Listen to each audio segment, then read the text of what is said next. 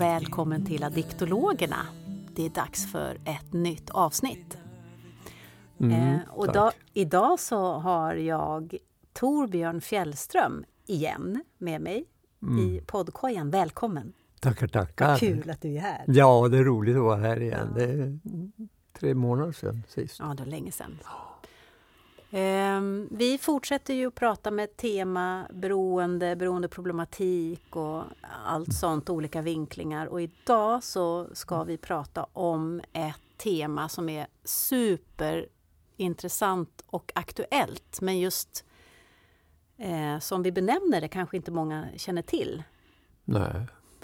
Och det är ju det jag kallar för amorös anorexi slash bulimi. Mm.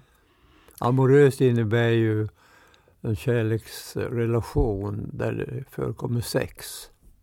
Så jag vill inte säga sexuell anorexi utan ha ett liksom bredare begrepp i amorös anorexi. Men dit hör ju också bulimi, alltså Mm.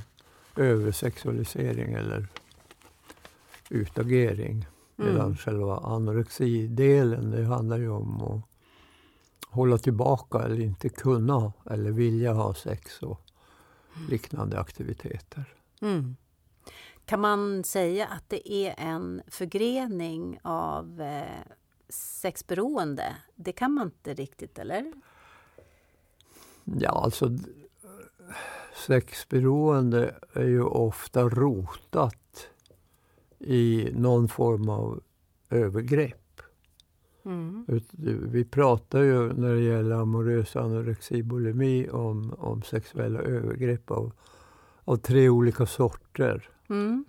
Och den första, det här är ju lite gonering alltså efter addiktologernas Lite uppdelning. system. Jo, Mm. och då säger jag att pedagogi, nej, pedofili är den liksom pedagogiska eller jordiska delen av sexuella övergrepp.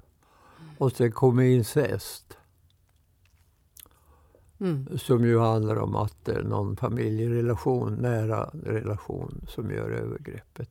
Mm. Och den sista och största gruppen det, det är ju så kallad omogen sexuell debut.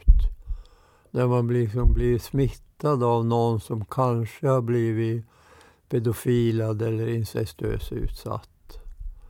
I tonåren händer ju det här Mm. mellan ja, syskon och kusiner och folk från landet och så vidare. Mm. Mellan kompisar, klasskamrater och så Ja, här. ja. Mm. Man, man håller på att experimentera med, med sitt sexliv. Och, alltså sexlivet har vaknat och, och man gör olika saker. Och alla tror ju mer eller mindre så här generellt att, eh, att man håller på med någonting som är normalt.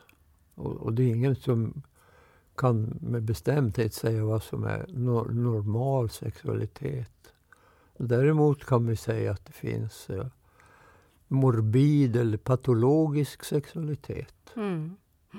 Och det, det är det som vi jobbar med, mer Mm. eller mindre. Mm. Och, men grejen, den stora grejen med amorös anorexi, eller som vi kallar den för amman, det är ju att det blir symptom av sexuella övergrepp. Mm.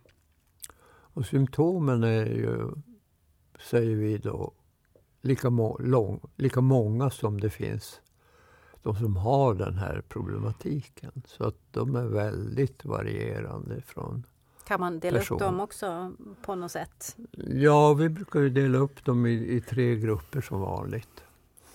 En, en översta gruppen, den andliga liksom. Att man, eh, ja, man tappar tilliten till, till vuxna personer. Man tappar tro, man tappar hopp, man tappar kärlek, man tappar respekt och hänsyn. Och, ja, det bildas liksom ett svart hål redan eh, tidigt i livet, kanske redan i livmodern. I, I det att eh, anknytning till mamman störs av omgivningen eller av henne själv. Och eh, sen fortsätter den här störningen i, i, liksom längre fram i form av emotionella eh, symptom. Och det är ju då eh, olika former av frustration, alltså våld och ilska, misstänksamhet och ja, en mängd olika mer eller mindre konstiga affektexplosioner och andra känslomässiga störningar mm. i, i, i, livet, så att säga. Och slutligen har vi den, den gruppen av symptom som kommer sist, så att säga, som kommer långt senare i livet ofta. Och det är då fysiska symptom. Och, och till dem hör ju allt möjligt. Det går inte att säga. Nej. Sjukdomar eller mm, värk. Alla möjliga liksom. sjukdomar, mm. ja. Mm. Men alltså, det, de här symptomen känns ju svårt att förstå att de är ihopkopplade med sexuella övergrepp. Liksom. Ja, det är jättesvårt. Ja. Och alla symptom är ju inte det. Nej. Det är det som är mm. så hemskt mm. för oss. Mm. Nej, men att äh, man, man får ju vara väldigt försiktig när man så att säga, definierar och diagnostiserar de här symptomen. Man måste liksom ja, kolla. Men symptom beror ju på någonting. Och vi, vi är liksom ute efter att hitta roten till, till ett jobbigt symptom. För alla symptom, tror jag, är ju omedvetet uppkomna. Till exempel eh, kronisk huvudvärk eller ont i magen eller ont i knäna eller vad som helst. Så kommer det utan att man själv egentligen mm. styr. Mm. Och sen så tror ju många att det här beror på något helt annat. Någon, någon slags allergi eller något genetiskt och så vidare. Men det kan bero på ja, tidiga eller senare sexuella övergrepp. Mm. Och när man får ta på den tråden så är ju då meningen att symptomet ska börja minska eller bli, man får klart för sig sammanhanget mellan symptomet och någon sexuell upplevelse i tidiga barndomen eller i tonåren mm. eller och i vuxenheten. Mm. Och i och med medvetenheten om de här sambanden mellan, mellan roten och symptomet, mm.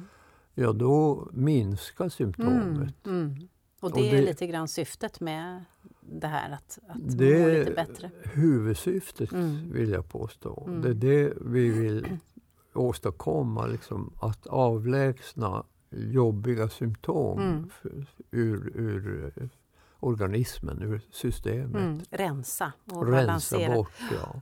och jag, jag, är inne på att uh, efter 55 år som terapeut, framförallt med missbrukare, men även så kallade normala människor, att eh, terapi av olika slag, spelar ingen roll om det är gestaltterapi eller identitetsterapi eller vad det nu kallas, schematerapi och så vidare.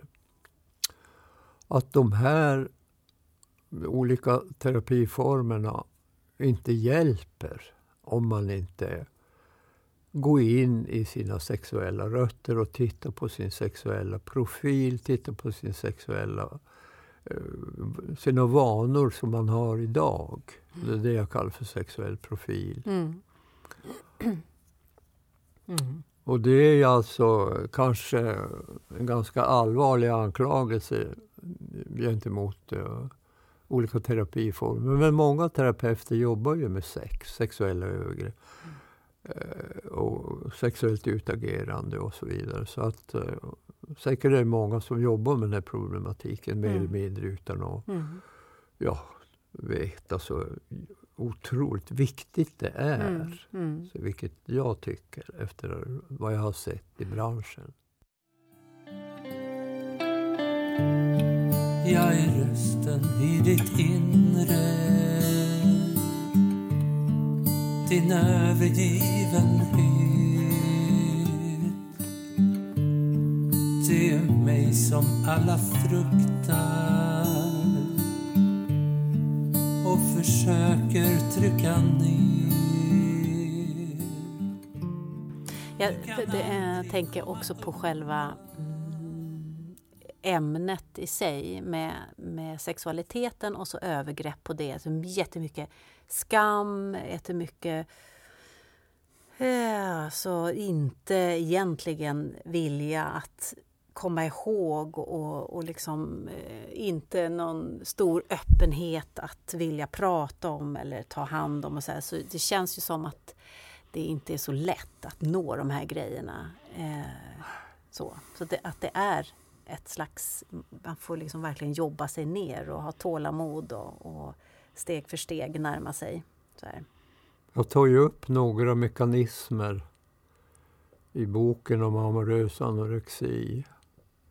Bland annat uh, förträngning, projektion, deprivation, förövelse av behov mm. och inte minst skam. Och sen att uh, hela den här problematiken som är uråldrig, global och typiskt mänsklig är föremål för nedtystning. Mm. Och uh, stigmatiserad och skambelagd. Och nu när vi håller på och jobbar i vår så kallade Amana-grupp så har vi förstått någonstans att en del av skammen det är helt enkelt förbjuden njutning. Att man faktiskt uh, njuter av övergrepp, av sexuella övergrepp såvida de inte är våldsamma. Våldtäkter och, och med, med aggressivitet och ja, fysiskt våld och så vidare, så är det inte så njutbart.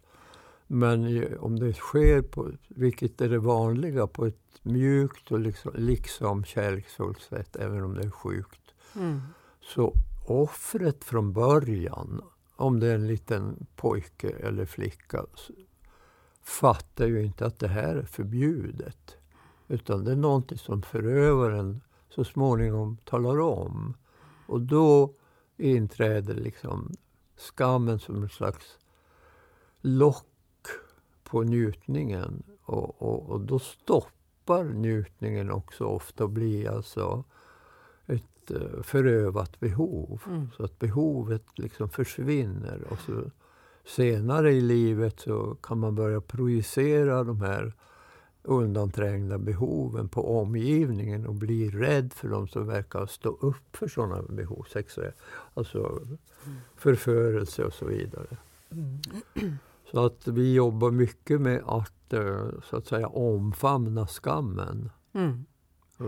gilla den, mm. alltså ta tag i den. Ja, men det var ju faktiskt ganska skönt om jag ska erkänna mm. sanningen med mamma eller pappa eller kusiner från landet eller vad det kan vara för förövare. Mm. Sen har vi ju den här eh, bulimiska sidan av medaljen. Den amorösa anorektiker kan också vilja, vilket sker väldigt ofta, leva ut sex. För att pröva sig fram, för att liksom förstå att det är något fel någonstans. Så att ofta i samband med olika droger så, så blir man översexualiserad eller är ute och kör sexuellt och går liksom i förövarens fotspår gentemot sig själv och ibland även andra så att man ut, utvecklar förövartalanger så att säga. Mm. Utifrån vad man själv har varit med om och, och, och det är mindre kul. Men kanske det vanligaste det är ju en, en, någon form av översexualisering så att man blir så att säga, bunden till att ha väldigt mycket, liksom för mycket sex. Och det blir ju i sin tur problem. Både för den som gör det, har det och den som blir utsatt för det. Mm. Så att den bulimiska sidan måste man också titta på. Men jag föredrar att kalla hela problematiken för, för an, amorös anorexi som ett stort problemkomplex med en massa olika faktorer hit och dit. Mm. Och den, kan man säga att det är en, en tydligt symptom är just den anorektiska, alltså att undvika, undvika nära intima relationer, undvika liksom, ett undvik Det är något som man kan, om man vill, liksom ja. nysta vidare i det här och inte riktigt vet men ändå känner att det är någonting. Mm. För det känns ju alltså på något djupt plan att det är något kring det här. Alldeles precis. Eller hur? Jo, det, det, det är ju eh, själva grunddefinitionen på amorös anorexi är ju då oförmåga och eller ovilja till sex och därmed relaterade aktiviteter av olika slag. Mm. Och sen har vi ju gjort ett Gunnaplan, ni addiktologer som lyssnar på det här, av, eh, av själva amorösa anorexia-biten. Och längst ner hittar vi då det som Linda pratar om, nämligen undvikande. Mm. Att man undviker helt enkelt sex. På både fysiskt, känslomässigt och inte minst intellektuellt. Man, man bildar sig av så fördomar eller mm. åsikter om att nej, sex ska vi inte ha ja, så särskilt ofta. Mm. Utan helst inte. Mm. Men du, undvikandet, för liksom, det, kan det vara också så att det är inte bara sex eh, och sexuell aktivitet. Nu vet jag att det är ju amorös anorexi, det är det som området är. Men att även undvika andra grejer. ja. Undvika blir... svåra mm. samtal, undvika konflikter, undvika att välja, undvika att kliva i sig själv, undvika att vara sig själv, alltså överanpassning och sånt där. Kan inte det också lite grann vara, ja, mm. vara symptom på det här? Absolut, du är mm. inne på linjen. Alltså Fritz Perls, min terapeutiska idol, han sa till exempel Kolla hur du undviker i nuet mm. kontakt och konfrontation med dig själv, dina minnen och andra människor, dina relationer. Alltså så bra, så, så kärnfullt. Alltså. Jättebra. Liksom. Han, Direkt han in. såg ju det här. Ja. Och, och, vi jobbar ju med det här undvikandet. Mm, mm. Men eh, som du säger, det här blir en överlevnadsstrategi. Mm. Det spiller över till, till svåra situationer överhuvudtaget. Mm. Om man är varit med om något i skolan eller någon har sagt något dumt om ens öra eller vad fan. Mm. Så undviker man att visa det här örat i, i all framtid. Mm. Liksom. Det, är trauma. Trauma är ju eh, både stora och små saker mm. i livet. Du kan aldrig komma undan Det finns ingenstans att fly Jag behöver bara kärlek och få duga som jag är. Sen kanske man ska nämna att eh, när det gäller amman, den här biten, och den mänskliga delen av, av amman-problematiken. Så först var det undvikande, sen kom den mänskliga? Sen kommer det mänskliga mm. och det, det, kallar vi för kompensation. Just det. Och det är ganska viktigt att titta på det när man eh, jobbar med den här problematiken. Därför att kompensation, det är, det är en slags kamouflage också. Och den jordiska delen av den här mänskliga dimensionen, det är ju polarisering. Man ser liksom hur, eh, ja, hur skammen så att säga gå på torra land. Alltså man kan klä ut sig som tonåring och se väldigt sexig ut. Väldigt förförisk, flörtig och charmig så här. Men eh, det är egentligen ett spel. Man vill bara ha ja, uppmärksamhet som är nästa steg i, i den här dimensionen av kompensation. Det som sitter mitt i hela den här matrisen, det är uppmärksamhet. Mm. Och det fina, om man säger så, med amorös anorexi det är ju att sådana här människor, många, särskilt kvinnor, de, de blir väldigt uppmärksamma. Alltså de iakttar ju eh, förövare och alla människor runt omkring sig. De blir väldigt fokuserade på att lägga märke till saker och ting. Och sen så eh, blir de också duktiga på den liksom himmelska delen av eh, kompensationen som jag kallar för bekräftelse. Mm. Så de blir duktiga terapeuter till exempel. Mm. Och känna in och bekräfta. Och Ja. Mm. Och sen har du den, den eh, himmelska dimensionen av, av amorös anorexi och bulimi. Och den första rutan där längst till höger, alltså den jordisk-himmelska saken, det, är ju, det kallar jag för uh, hysteri. Helt enkelt. Mm. Efter, efter Freud. Mm. Att han såg, alltså egentligen hur, alltså, vad heter det, godna planet är ju konsekvenser. Precis, det var Ja. exakt. Så att det är Ja, konsekvensen jag, av glöm- Jag glömde man... säga det. Mm. Och eh, den jordiska konsekvensen är ju som sagt var hysteriska reaktioner av olika slag. När det gäller män som är övergreppade, till exempel jag, så blir man alltså mer eller mindre paranoid på omgivningen. Man liksom, det är ju en hysterisk reaktion också. Man kan bli konspirationsteoretiker eller misstänkliggöra Mm. auktoriteter, chefer, lärare, alla möjliga typer som liksom är ute efter en. De är ute efter ens könsorgan och allt sånt här. Fast man inte vet om riktigt att det är det.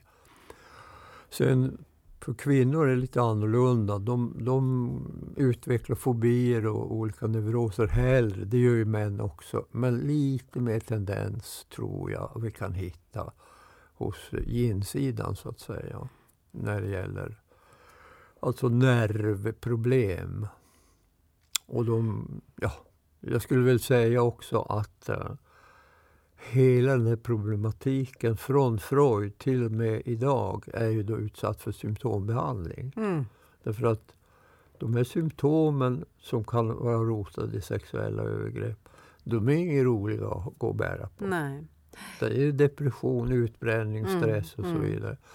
Och då är man där på apoteket och, och, och man går på Täpper kliniker. till de här grejerna Ja, man egentligen. fyller på Mm, och täpper mm. till och håller på. Så att, Mm. usch. Fa- Fast det egentligen är, alltså kroppen och systemet signalerar ju något. Liksom. Egentligen ja. Egentligen att Mm, man hallå, ta det här i är någonting Mm, som inte stämmer. Mm. Lyssna. Ja, men Liksom. Mm. då när man hör sin egen liksom, ont i magen eller i höfterna eller i huvudet så ja, det är ju lättare med Alvedon. Eller droger, ännu kraftigare droger. Och hela samhället är ju inriktat på, på symptombehandling. Psykiatrins senaste DSM så bestämde de ju internationellt att numera sysslar vi aldrig med orsaker till psykiatriska problem.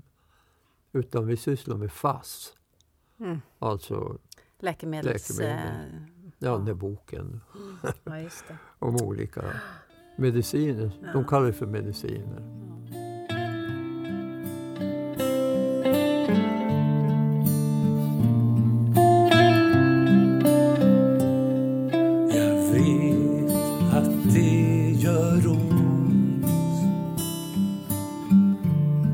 Ingen kunde finnas där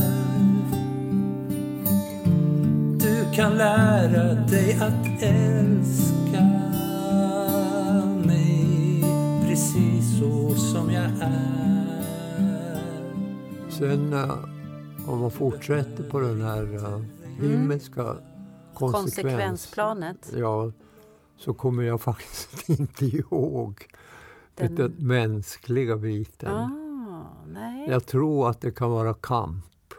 Ja, just det. Jo, men det, det är det. Jo, det är just det. det. Mm. Att nu kämpar man med Ja, med att få balans på sina behov framför allt. Kämpar i livet. Man kämpar i livet. Det är ju Mm. en, överhuvudtaget en existentiell problematik. så att Det gör ju alla på olika sätt. Men det som hör till, till sexuell förträngning, det kan vara, ja, tror jag, framförallt mat. Det behovet kan eh, sticka ut väldigt mycket för en som har sexuella eh, övergrepp i bagaget. Mm. Att det är som att eh, mat och matstrupen och ner till magen och sen att eventuellt kräkas, det har ofta eh, en sexuell koppling. Mm. Även om man inte spyr och är bulimisk kring mat så kan det finnas en ersättning Mm. för ett eh, reducerat sexuellt behov. Mm. En, en fixering och någon kompensation på något sätt. Precis. Och även arbete då och allt möjligt. Mm. Liksom, man hittar, ja. Man hittar någonting som, det här ska jag hålla på med. Mm. Den här grejen. Det hör till kampen Mm. liksom. Mm. Så släpper man det så, ja. Ja, ja. Men sen, sista rutan längst upp till vänster i den här matrisen. Det är ju ändå harmoni. Och det är lite krångligt tycker jag. Hur det, hur det blir harmoni. Ja, det tycker jag med. Men eh, det handlar om att man har gått igenom sin amman, sin amorösa anorexi, sin bulimi, dess rötter. Och man eh, börjar, man börjar inse, förstå och bli medveten om att eh, ja, det här funkar ju. Med, inte med kraftiga utlevelser av sex om man är i en, eh, åtagen relation utan så att säga harmoniera mm, balansen mellan de här två parterna i en två, två relation, parrelation. Mm. Så eh, ja, jag tror att man till och med kan eh, bli av med i stort sett alla sexuella behov.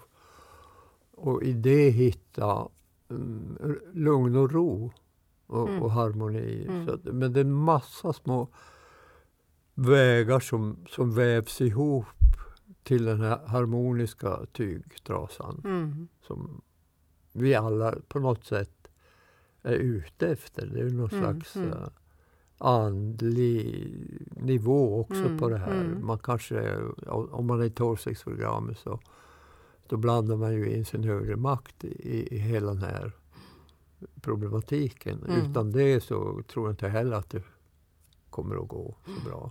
Men det är ju lite hoppfullt att det finns harmoni med i det här. För det blir, och, att ett litet löfte nästan att om jag vågar, för det är ju någonstans att våga se, alltså våga öppna de här dörrarna och våga börja medvetandegöra om sig själv och hur, liksom vad som har hänt och hur jag mår och sånt där. Att, att i det så finns det ett löfte om att det leder till Ja, en, någonting.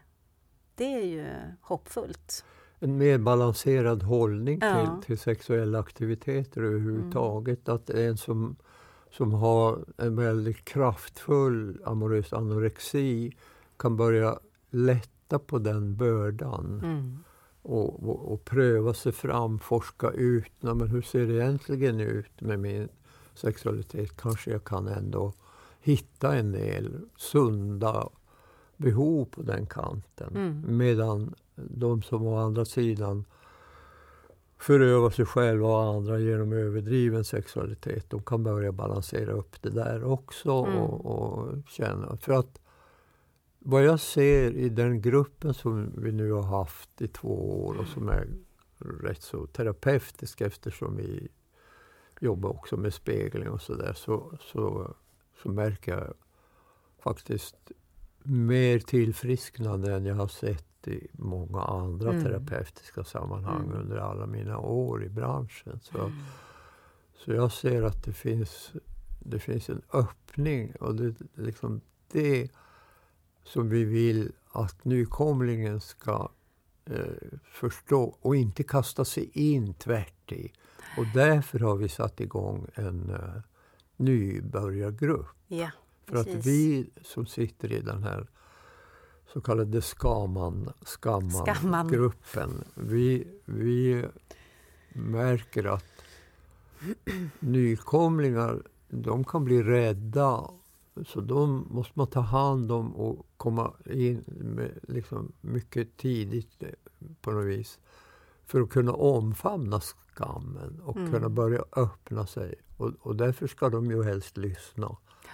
precis. Men det är inte så många som vill det. Så vi, vi öppnar en uh, nybörjargrupp Mm. varje vecka. Mm. Varje onsdag på, på samma ställe, Birkagården. Vi håller till på Birkagården, ja precis. Och Ja, Vilken tid var det? det är, eh, nybörjarmötet är halv sju Mm. till halv åtta. Ja, en timme bara. Mm. Mm. Så, eh, så får vi se vad det leder till. Det är jättespännande att vara med. Det är en fantastisk grupp, en fantastisk gemenskap. Mm. Mm. Ja, jag hoppas att ni som eh, hör det här kommer till nybörjargruppen. Mm. Eller om ni känner er så avancerade och beredda att öppna upp Och har jobbat med de här grejerna Ja. kanske lite grann. så går det bra att komma på måndag Ja. klockan Kvart över sju ja, till kvart i nio. ja, Och Birkagården på Karlbergsvägen 86. precis. Det här är ju i Stockholm då. Mm. Men Jag Mm. åker till Karlstad nästa vecka och ska presentera den här problematiken där. Så har jag varit i Göteborg och uppe i Sundsvall, så jag håller på lite grann. har, Nästa Mm. sommar ska jag vara med i en, eh, någon slags fjällvandringsbokmässa uppe i Arjeplog. Spännande! Där jag ska presentera den här problematiken. Jaså? Det är ju jättekul. Du har skrivit en bok, eh, Tobbe. Hur får man tag på den? Ja, hör du, det vet väl du. Jag, jag, man kan ju rekvirera, jag har några ex kvar, Mm. direkt från min mail, tobinitai.me.com. Eller också från samverkansgruppen. Ja, vi, har, vi, kan, vi kan göra så här att vi skriver kontaktdata i, eh, på där podden nu publiceras. Så kan man kontakta om man är Mhm. intresserad. Mhm. Kontaktdata till dig också då. Om man är, vill kontakta dig, går det bra? Ja, absolut. Mm. Visst. Ja. Men eh, vad spännande. Mm, Åh. Kul att prata om det här Ja, ja. med dig, Linda. Ja, men kul att vi är här och att vi fortsätter att utforska det här. Ja, det gör vi. Ja. Mm. Ska vi, eh, ska vi säga tack och hej? Ja, Ja. det gör det. Tack och hej. Tack och hej. Kul att ni lyssnade. Ha det jättebra och vi hörs sen hoppas jag. Hej hej!